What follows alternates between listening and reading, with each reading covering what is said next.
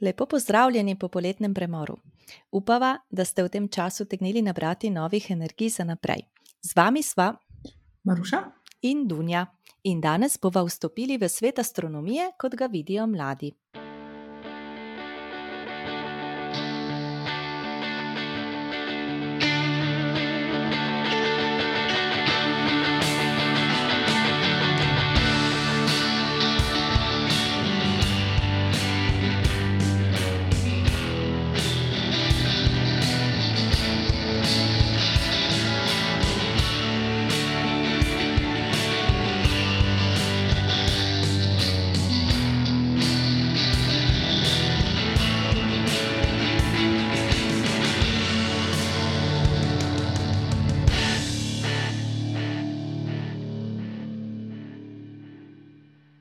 Drage poslušalke, dragi poslušalci, dobrodošli v novi, drugi sezoni podcasta Temna stran Lune.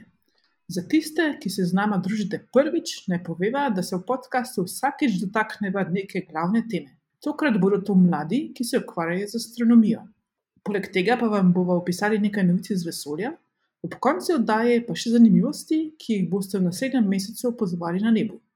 Če vas zanima, o čem smo se pogovarjali v prvi sezoni podcasta, lahko prejšnjim epizodam prisluhnete na spletni strani anshor.fm, pošiljka temna stran Lune, vse pisano brez presledka. Vabljeni, da se naročite na najn podcast. In če vas bo kaj posebej zanimalo, si lahko več preberete v zapiskih ali naj dodatno kontaktirate preko anonimnega obrazca na naslovu v zapiskih oziroma na socialnih omrežjih.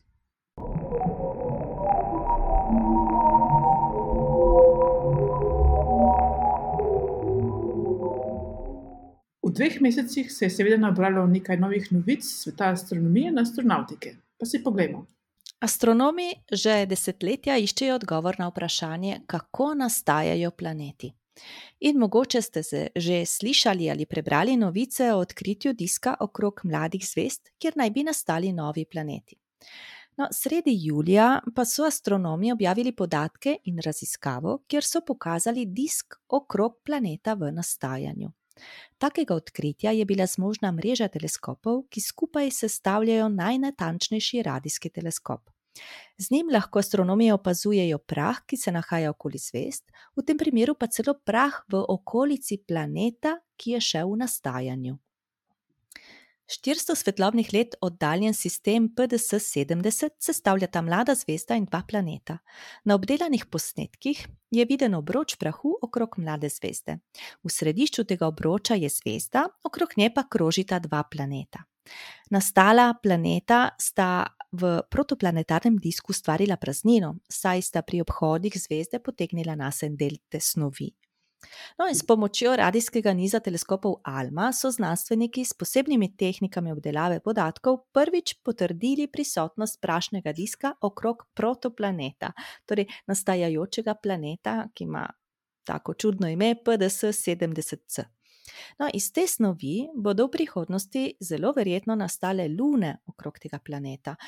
Ocenjena količina snovi v obplanetnem disku je enakovredna trem našim lunam, sam planet pa naj bi imel maso dveh Jupitrov. Z razliko od večine izmed 4000 odkritih eksoplanetov, sta planeta sistema PDS-70 oba še v nastajanju. Raziskovalci so zato navdušeni, saj lahko v živo gledajo nastanek planetarnega sistema in preverjajo tako tudi teorije o nastanku planetov in njihovih lun, saj teh detajlov trenutno še ne poznamo popolnoma. No, in še druga novica, ki je pa povezana z našim planetom, torej s planetom iz našega Osončja. Um, raziskovanje notranjosti planetov našega Osončja nikakor ni enostavno. Kaj se skriva recimo pod površjem Lune, Zemlje in Marsa, lahko odkrijemo s pomočjo seizmometrov. Recimo, pred kratkim je inštrument misije Insight na Marsu, kot bi bil neke vrste zdravniški stetoskop, odkril detajle o globini in sestavi skorje, plašča in jedra našega rdečega planeta. Eh, z razliko od naštetih planetov in Lune, eh, ki imajo seveda vsi pač z trdno skorjo, zahteva v pogled v notranjost plinastih planetov, kot sta naprimer Saturn in Jupiter, veliko več iznajdljivosti. No, na površje Saturna seveda ne moremo poslati sonde, lahko pa njegovo notranjost preizkujemo z uporabo sprememb v obročih. Zaradi oscilacij Saturnovega jedra se pojavijo take fluktuacije tudi v njegovem gravitacijskem polju, in take spremembe lahko zaznamo v Saturnovih obročih. Verjetno ste že slišali, da se Saturnovi obroči, ki so sestavljeni pretežno iz manjših skal ledu, odzivajo na gravitacijski privlak Saturnovih lun. Na tak način so naprimer nastale nekatere vrzeli v obročih. Ti obroči pa zaznajo tudi spremembe, ki so povezane z jedrom tega plinastega planeta. Tej tehniki zaznavanja jedrskega sestava Saturna pravimo kronoseizmologija, iz besede kronos, ki je grško ime za Saturn. S takim načinom raziskovanja se znanstveniki ukvarjajo že 30 let, še posebej odkar je misija Cassini pobliže opazovala Saturnove obroče. Ravno na podlagi Cassinijevih podatkov sta znanstvenika ameriškega Caltecha v svoji raziskavi razkrila, da se jedro Saturna razteza do približno 60 odstotkov radija planeta, njegova masa pa je 55 krat večja od Zemljine. No, približno tretjino te mase jedra sestavljajo kamnine in led ter tekoči kovinski vodik. Znanje o sestavi jedra planetov, kot je Saturn, nam bo veliko povedalo o tem, kako je planet nastal. No, za konec pa bi radi um, spregovorili še nekaj besed o Carolyn Shoemaker, ki je letos poleti premenila pri 92 letih. Uh, Carolyn Shoemaker je bila dolga leta rekorderka v številu kometov, ki jih je odkril posameznik. Najbolj pa je bila znana po odkritju kometa Shoemaker-Levy 9, ki je leta 1994 padel v Jupiterovo atmosfero in povzročil eno izmed najbolj dramatičnih eksplozij v Osončju. Dogodek je bil predvajan celo na televiziji. Temne lise, ki so nastale po padcu na Jupitru, so astronomi opazovali skoraj leto dni. Komet odkrili skupaj z možem Džinom in Davidom Levijem, potem tudi ime Shoemaker Levi. Seznam njenih dosežkov je zelo dolg. Med letoma 1980 in 1994 je kot članica palomarske skupine za asteroide in komete odkrila 32 kometov in več kot 400 asteroidov. Čeprav je bil glavni cilj te skupine odkrivanje asteroidov in kometov, ki bi lahko predstavljali nevarnost za človeštvo, je odkritje kometa Shoemaker-Levy 9 popolnoma zasenčilo prvotni cilj. Zanimanje javnosti za dogodek je namreč preseglo vsa pričakovanja. Ljudje so se začeli spraševati, kaj se zgodi, ko komet pade na planet in ali bi iz tega lahko kaj sklepali o izvoru življenja na Zemlji. Zanimivo je, da je znanost sprva sploh ni zanimala. Študirala je zgodovino, politologijo in angliško literaturo, potem pa je na bratovi poroki spoznala geologa Džina Šumekerja. S svojim entuzijazmom, ko je pripovedoval o geologiji, jo je povsem očaral. In po poroki leta 1951 Carolyn ostala doma in vzgajala otroke, potem ko je Džin astronaute pripravljal na izvajanje geoloških eksperimentov med sprehodom po Luni. Ko so otroci zrasli, se je Carolyn pridružila skupini za iskanje asteroidov blizu Zemlje. Imela je namreč izjemno dober vid in sposobnost primerjanja slik neba, ki so bile posnete v kratkih intervalih. Kmalo je odkrila svoj prvi komet, hkrati pa je postala izkušena uporabnica 64 cm palomarskega teleskopa. Rutinski pregledi neba in astronomsko opazovanje nasploh so pred nekaj desetletji pred uvedbo elektronskih kamer CCD zahtevali neprimerljivo več truda, znanja in predanosti kot v današnjih časih. Palomarski teleskop ni bil nikoli moderniziran, ampak so uporabljali fotografski film. Tipična opazovalna noč se je začela s šesturno toplotno obdelavo fotografskega filma v pečici, da so povečali njegovo občutljivost. Vsako opazovanje se je začelo z ustavitvijo 15 cm plošče s filmom v okvir in pretrditvijo na teleskop. Ekspozicijski časi so bili 8 minut, film pa je bil na to predstavljen v popolnoma temno škatlo. Postopek so na to ponovili z novim filmom. Vsako noč so tako opazovali štiri ali pet pol na nebu, potem pa so cikl ponovili od prvega polja naprej in polje opazovali ponovno. Pri največji efektivnosti je med koncem ene in začetkom druge ekspozicije preteklo le 90 sekund. In ravno v enem izmed takih rutinskih ciklov so posneli slike kometa Šimerker Levi 9. Ko je kmalo zatem Brian Marsden izračunal, da bo komet trčil na Jupiter, si je Jean mislil: V svojem življenju bom videl kozmični padec, medtem ko si je Carolyn rekla: Izgubila bom enega izmed svojih kometov. Padec kometa na Jupiter pa ne bi bil izjemen dogodek le za astronome, ampak je javnost prepričal, da se taki padci lahko zgodijo in da je nevarnost treba jemati resno. Danes obstaja več programov, ki iščejo zemlji potencijalno nevarne komete in asteroide. Druga posledica dogodka pa so raziskave, ki preučujejo možnost, da je življenje na Zemlji s kometi prišlo v obliki preprostih organskih molekul.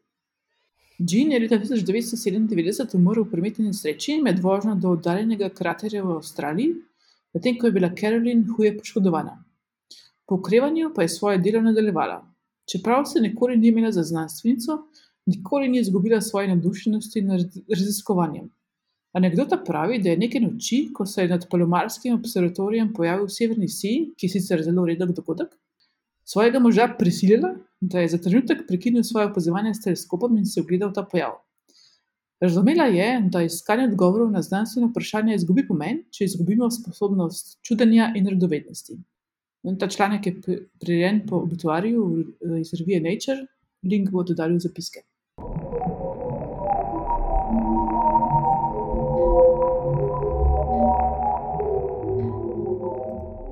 Preidimo sedaj na glavno temo današnje epizode in sicer na mlade astronome.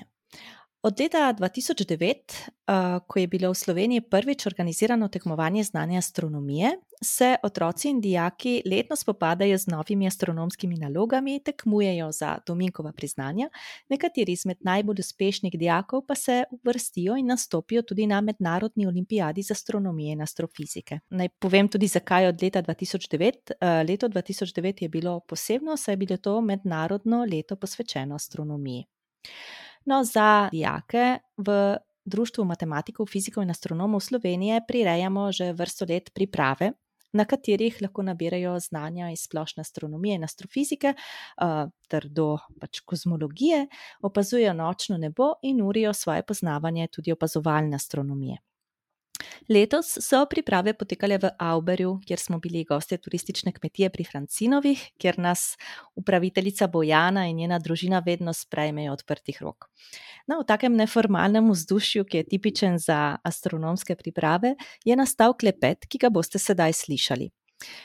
ker smo to posneli kar med pripravljanjem kosila, boste v ozadju mogoče slišali tudi nekaj vrveža, ampak upam, da vas to ne bo zmotilo, ker so pričevanja dijakov zelo zanimiva. Lepo pozdravljeni, nahajamo se v Avberju, in sicer na pripravah za tekmovanje oziroma olimpijado iz astronomije in astrofizike. In z mano so dijaki, ki se vam bojo zdaj predstavili. jaz sem Vid.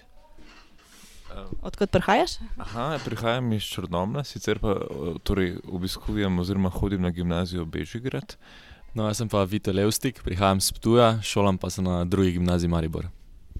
Jaz sem Urban Razpotnik, prihajam iz Kresnic, šolam pa se tudi na Gimnaziji Bežigrad. Jaz sem pa Marija Judež, prihajam iz Novega mesta, sem dijakinja drugega letnika na Tehniški gimnaziji na Šolskem centru. Okej, hvala. lepo pozdravljeni v podkastu in, danes sem se odločila, torej da vam zastavim nekaj vprašanj glede astronomije, glede na to, da ste vi torej mladi astronomi, ki mogoče boste v prihodnosti tudi na tem področju delovali, tudi raziskovalno. in zdaj me malo zanima, torej eno klasično vprašanje, kdaj ste se z astronomijo srečali oziroma kaj, kaj vas je pritegnilo v te vode? Začnem z druge strani. Jaz sem že kot sem gledala, gledala te dokumentarce o astronomiji, drugače zares pa šele v sedmem razredu, ko sem šla na tekmovanje. Me je pa starejši brat Jon pritegnil k temu, ja. Ja, mene je tudi bolj pač tekmovanje v šoli, in pol, ko me je začelo zanimati, sem se pa začel tudi malo bolj sam ukvarjati pa gledati dokumentarce. Ja, pri meni jaz se točnega trenutka, kdaj me je astronomija začela zanimati, ne spomnim. Vem pa, da me je zelo navdušila učiteljica, fizike v osnovni šoli in da sem se tako začel udeleževati tekmovanj. Ja, jaz tudi svoje prve izkušnje z astronomijo povezujem z osnovno šolo, in sicer tudi z učiteljico fizike. Namreč, ne vem, naša učiteljica fizike je bila res navdušena nad astronomijo, njena najljubša zvezda je bilo Orion, ke je ona videla Orion, s takim žarom je to povedala, pripovedovala vse zvezde tako. Tako da to me je navdušilo v osmem razredu, torej ko smo fiziko dobili v osnovni šoli, ne, takrat še nisem šel na tekmovanja, takrat je bila astronomija tako čisto na splošno brez recimo temu ne, v neprofesionalnem smislu pač všeč. Ne, ker, no, potem sem čez poletje malo opazoval z nebom, v zvezdi, tako čisto osnovno poletni trikotnik sem spoznal, pa tako naprej. No, potem sem se pa v devetem razredu tudi prvič tekmovanja udeležil. Ne, recimo temu, da je potem to tisti resnejši del. Torej, nahajamo se v Auberju, kjer ste imeli priprave na, uh, na tekmovanje, oziroma ja, priprave, kjer ste izvedeli marsikaj zanimivega, tudi o, upamo, no, o astronomiji. In me pa zanima, katere mislite, da so uh, taka vprašanja, ki bi vas zanimala, s katerimi bi se mogoče v, v nadaljem študiju spoprijeli, ali pa ki se vam zdijo zanimiva že sama po sebi v, v astronomiji, ki so še ne raziskana, ki vas privlačijo. Začnem obratno zdaj. Uf, uh, ne vem, meni, meni osebno v zasnovanskih tem še najbolj pritegne tudi nasplošno kozmologija, ki pa seveda že sama po sebi uh, zajema še največ nerazrešenih vprašanj. Ne? Um, zakaj se vesolje širi pospešeno? Zakaj? Ja, zaradi temne energije, ki smo si jo zmislili. Ne? Zdaj, kaj pa to točno je, pa zakaj pa to točno je? Ne? Ha, ne, pa prav tako eh, podobno vprašanje tam ne snovi. To je to, ker nekaj vprašanj toliko nejasnosti. Uh, je pa to tudi nasplošno najbolj abstraktna veda no, v okviru astronomije ne, in z tega vidika meni osebno tudi najljubša. No, tako da nek, nekje v, v tem delu. No. Kaj pa ostali? Od ostalih še kdo, kakšno drugo? Torej, temna energija, temna snov, a še kaj? Meni načeloma všeč tako opazovalni del, pa zajemanje podatkov, recimo na različne načine, pa tudi kakšni spektri. No, zdaj, kaj več o tem bom znal povedati, ko bom študiral, zdaj ne bi upal preveč govoriti, ampak načeloma me pa tudi zanima cela astronomija. No. Ja, jaz bi rekel, da me trenutno morda najbolj zanima kot galaksija, zvezde, eh, celotna struktura vesolja, ampak je pa še težko reči v trenutni fazi, kaj bo tisto, s čimer se bomo potem dalje ukvarjali. Kaj pa kakšne črne luknje, mogoče take stvari, ki so tudi izgledajo malo eksotične, pa, pa je, o katerih še vedno ne vemo čist vsega. Ja, to tudi. Okay. Te novi načini, kako bi črne luknje dejansko obravnavali, kot recimo gravitacijski valovi, ki se zdaj tudi razvijajo, um, detektorji gravitacijskih valov. No. Hvala, ne, zelo, zelo zanimivi odgovori. Uh, zdaj pa še eno vprašanje, ki je pa bolj povezano z, m, z okoljem, z naravovarstvom. Mogoče. Se tudi astronomi se malo srečujemo z težavami, uh, ko recimo opazujemo, kot smo ravno kar rekli, ne, z svetlobnim onesnaženjem se srečujemo. Zdaj v, v prihodnjih letih bo tudi veliko satelitov potovalo po nebu, ki nam bo uh, povzročalo nekatere težave, ne, sploh pri opazovanjih vesolja. Kaj, kaj menite o tem, kako mislite, da bi se lahko astronomi tega lotili, tega problema, če ste se kdaj torej, o tem spraševali? Sploh?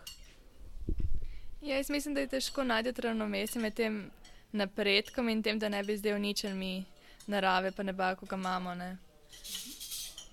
Kako bi se spoprijeli, pa v bistvu še ne vem. Ja, zdaj, prva ideja bi bila malo vandalizma ne, nad temi lučmi, ko nas motijo povsod. Zdaj mene osebno dejansko motijo tudi, ko so pred malo hišo, pač, da bi spal. Tako da me včasih že kar ima, da bi se nad tistim mali živel. Um, ampak drugače pa za moje pojme bi mogle biti luči pač nižje, bolj rdeče, pa dost bolj poredke. Recimo zdaj okrog ok, pošte pa trgovine, logično, da kdo ne krade. Ampak tako nasplošno pa na neki cesti, kjer se pač vozijo avti, ki ima tudi vsak svoje luči, a ne je malo neuporabno, da jih je povsod tok.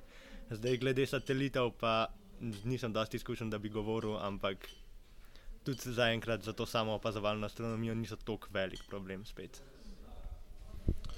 Ja, kar se tiče satelitov, mm, jaz sem morda malo mešano mnenje o teh satelitih, ki jih Elon Musk pošilja eh, z Starlink.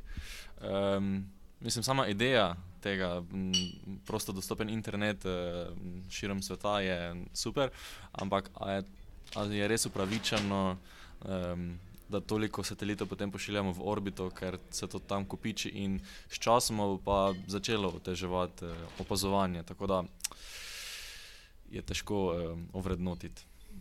ne bo teževalo samo opazovanje, ampak slej kot prej tudi nove izstrelitve novih satelitov, če jih bojo tako brez glavo pošiljali kot zdaj primer Starlinki. a ne. Mogli bi nekako narediti neko mednarodno pravo o tem, koliko jih se jih lahko pošle, pa na kera mesta.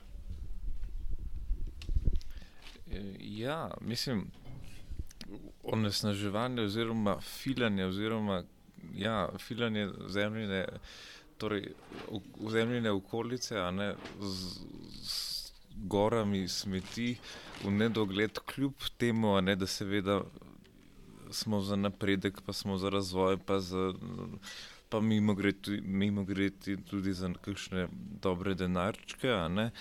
Um, no, ja, to vsekakor ni dobra ideja. Ne? In meni se zdi, da, da, to, da, da si ta zadeva zasluži en tak konkreten upor. Ne?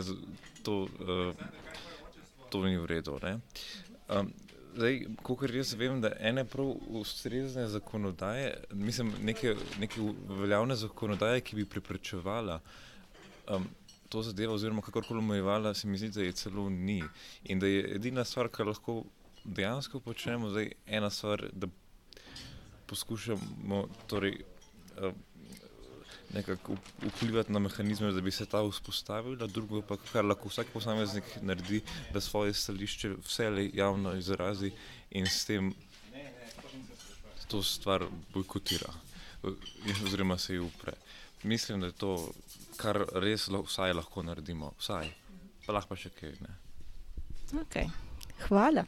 Um, zdaj pa še zadnje vprašanje, pa vas potem pustim, da greste lahko k, k kosilu, fižolovi juhi, tako je.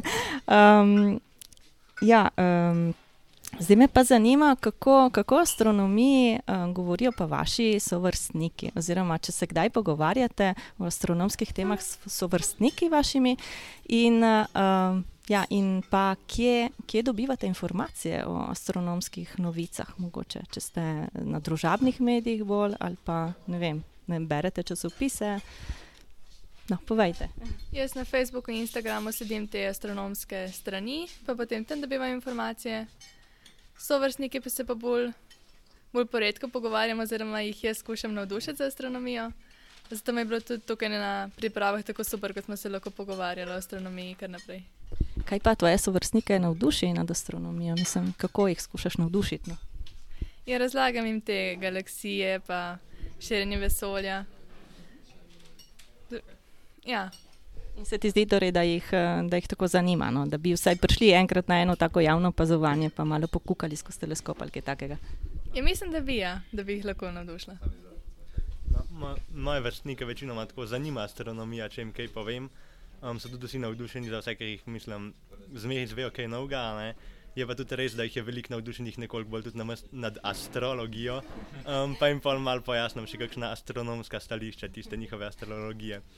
Um, kot vire informacij pa imam večinoma internet, zdaj bi bil naročen na revijo Spiko, ampak nimam keša, tako da um, jo včasih sposodam v knjižnici ali pa tako malo preberem. Um, večinoma je pa internet. No, jaz sem naročen na reviju Spiku, tako da večina informacij jih preberem tam, pa na internetu. E, kar se pa tiče mojih vrstnikov, pa ja, astronomija včasih tudi pride na temo pogovora. E, ponovadi se pogovarjamo o kakšnih utrinkih, kometih, e, tako amatersko. Mislim, astronomi, astronomija je sama po sebi eksotična stvar. Če ti nekomu pokažeš, ne vem, zvezdja, ne, to je pa vse veliki voz, mali voz, uh, uh, to se. ve- To seveda vsak pozna? In, um, ki mimo grede nista v zvezdi, da ne, da ne bo kakšnega nesporazuma. A vendar, um, že, že, že sam pogled na noč ne bo nekaj, kar vsakega fascinira. Ne? Zdaj, če ti ko nekomu pokažeš nekaj skozi teleskop, pa ne bo to planet, um, galaksija ali pa meglica, karkoli že, je to nekaj, kar človeka, ko prvič vidi, totalno fascinira.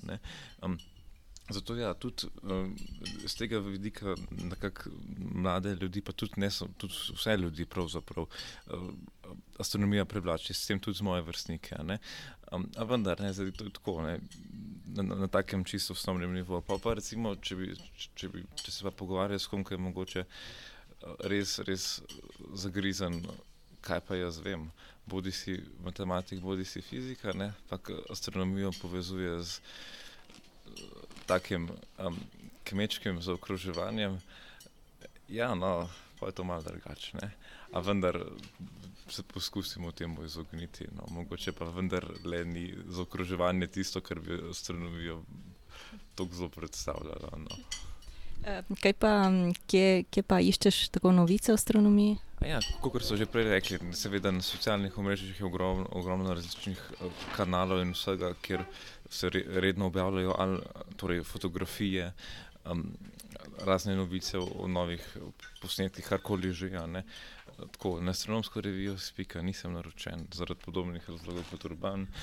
Um, ne, ampak sej na internetu je ogromno podatkov iz tega. Sledim tudi kakšnim astronomom po Facebooku. Tako, um, ne, skratka, recimo temu internet, socialna omrežja. No. Okay, hvala. Uh, zdaj še kot zadnje, um, vsi štirje, se mi zdi, da boste naslednje leto, oziroma letos, šli na olimpijado. Kaj, torej, letos je pač v, v obliki, torej ne boste fizično tam. Kaj, um, Kaj si pričakujete od, od te olimpijade za astronomijo in astrofizike, no, da povem do konca? Jaz grem prvič, ne. Mam je že, da res ne gremo v Kolumbijo, ampak mislim, da bo zelo zabavno, spet veliko novega znanja, pa tudi druženje bo super. Ja, jaz sem nažalost prišel glih napačen čas, ne že dve leti zapored, ne gremo nikamor. Ampak tako pričakujem, da se mogoče kaj novega naučim, pa vseeno, da dobim kaj več kot lani. No, jaz vidim glavno eh, poslanstvo te olimpijade, da pridobiš nova znanja, da se naučiš, eh, ter se morda še bolj navdušiš za astronomijo. Ja, Meni se zdi, da je to izključen del olimpijade, ne, torej potovanje nekam, druženje ljudmi, ki so od nekod. Nekje od druge, izven našega slovenskega mehurčka, v katerem smo za res in tudi mentalno, morda preveč zaprti. Ključen, ključna stvar pri vsakršnih mednarodnih dogodkih in to je tudi mednarodna olimpijada za astronomijo in astrofizike. Ne. Zdaj, ne, sej pa bomo reševali tudi te naloge, pa to, ne, zdaj, pa ene tudi papirčke bomo pa dobili. Sam ne vem, jaz bi šel v Kolumbijo, ne, tako da ni toliko. No. Ja, je res, res je škoda, no, da zmanjka tisti del, kjer je, kjer je druženje pomembno, ne so vrstniki. Tako da jaz upam, da boste imeli še naprej ne, možnosti druženja, sploh tega, da boste lahko um, hodili in se družili s sovrstniki, ki, ki jih zanima, ne samo astronomija, ampak tisto, kar boste naprej vem, študirali ali pa tisto, s čimer se boste naprej ukvarjali. Tako da hvala lepa vsem štirim za, za sodelovanje pri tem pogovoru in srečno naprej. Čau, čau. Letošnje olimpijade se boste udeležili dve skupini slovenskih dijakov, ker je lanskoletna olimpijada zaradi pandemije bila predstavljena na letošnje leto. No, žal bo pa letošnja olimpijada, ki jo organizirajo Kolumbici, eh, potekala nadaljavo. Dijaki se je bodo udeležili v drugi polovici novembra.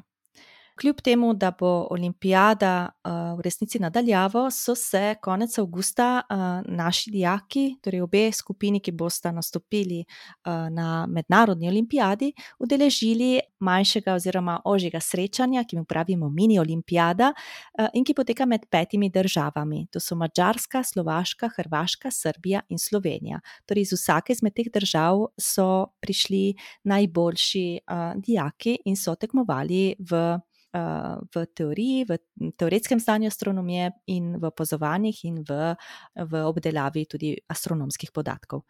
Ta mini olimpijada je potekala v živo in končno smo se lahko srečali in sicer v Baji na Mačarskem. Naši dijaki in dijakinja so se zelo dobro odrezali v tekmovalnem delu in tudi, torej po njihovem pričevanju, tudi navezali veliko stikov, novih stikov s vrstniki iz drugih držav. Ob tej priložnosti naj tudi še enkrat čestitam torej vsem tekmovalcem.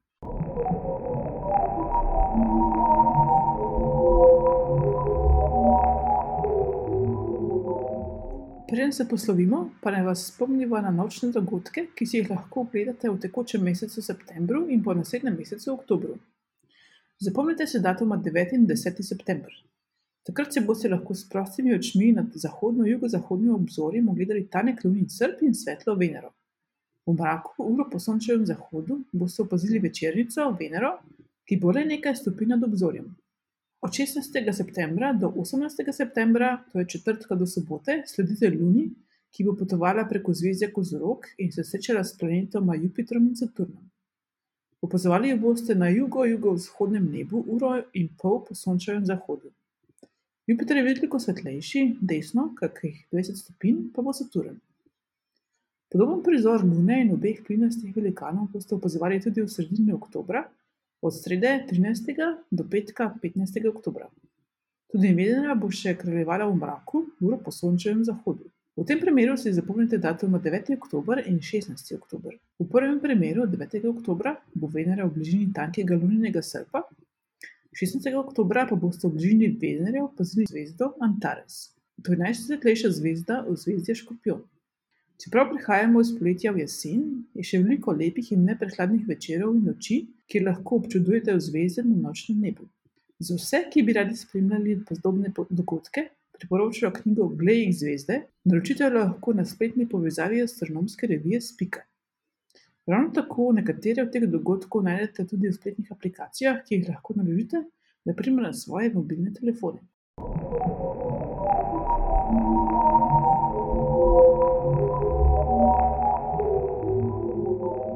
Drage poslušalke in poslušalci, v vsaki epizodi, razen zadnje iz prejšnje, iz prejšnje sezone, uh, sva vam uh, ponudili tudi posluh svočno uganko, ki je povezana z vesoljem.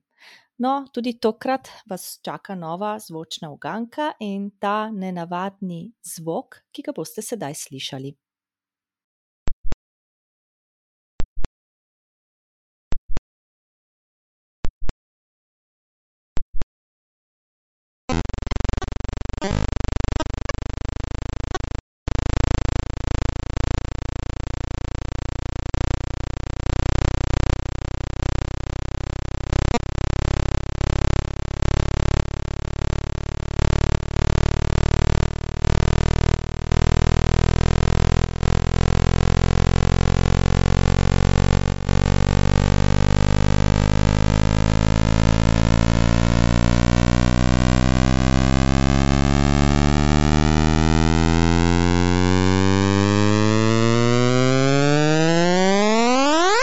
Bi to lahko bilo?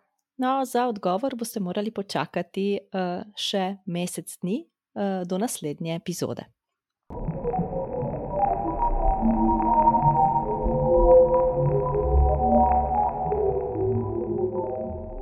Poslušali ste prvo epizodo druge sezone podcasta Temna stran Lune. Hvala vsem dijakom, ki so se z nama pogovorili in delili svoje misli in želje. Podcast Temna stran Lune je v eter prišel pred letom dni, vse epizode pa domujejo v aplikacijah za poslušanje podkastov, kot so Google Podcast in Apple Podcast, ter tudi na spletnem mestu anchor.fm pošiljka Temna stran Lune, kjer se Anchor piše ANCHOR. Uh, in ker med snemanjem, uh, torej v epizodi sami večkrat omeniva tudi nekatere zanimive uh, povezave, jih bova delili tudi na družbenih omrežjih, torej na Twitterju, Facebooku in Instagramu, kjer naj jo lahko poiščete um, pod imenom Temna stran Lune, napisano vse skupaj in z malimi začetnicami. Vsem, ki ste nam že oddali oceno v vaše aplikacije, se res lepo zahvaljujeva. Uh, in tudi vsem, ki ste nam že pisali, saj do vaših vprašanj še prideva v naslednjih epizodah. Vabljeni ste tudi, da nam posredujete mnenja in predloge, uh, tudi anonimno na Google obrazec, uh, ki ga najdete v zapiskih te epizode, ali pa na e-mail naslov podcast.temna stran lune afna gmail.com, kjer napišete podcast z K-jem. Glasbeno naslovnico podcasta je ustvaril Peli ki mu lahko prisluhnete v pobratenem podkastu Opravičujemo se za vse neušečnosti, kjer skupaj z Zijem in Aljom modrujejo o, o življenju, vesolju in sploh vsem. Temna stran Lune je podcast, kjer vesoljske radovednosti prepletava z zanimivostmi sveta kulture, drugih znanosti ali vsakdanjega življenja. Z vami so bili Dunja in Maruša. Slišimo se 4. oktober, do takrat pa prijeten dan in pa obilo jasnih noči. Srečno!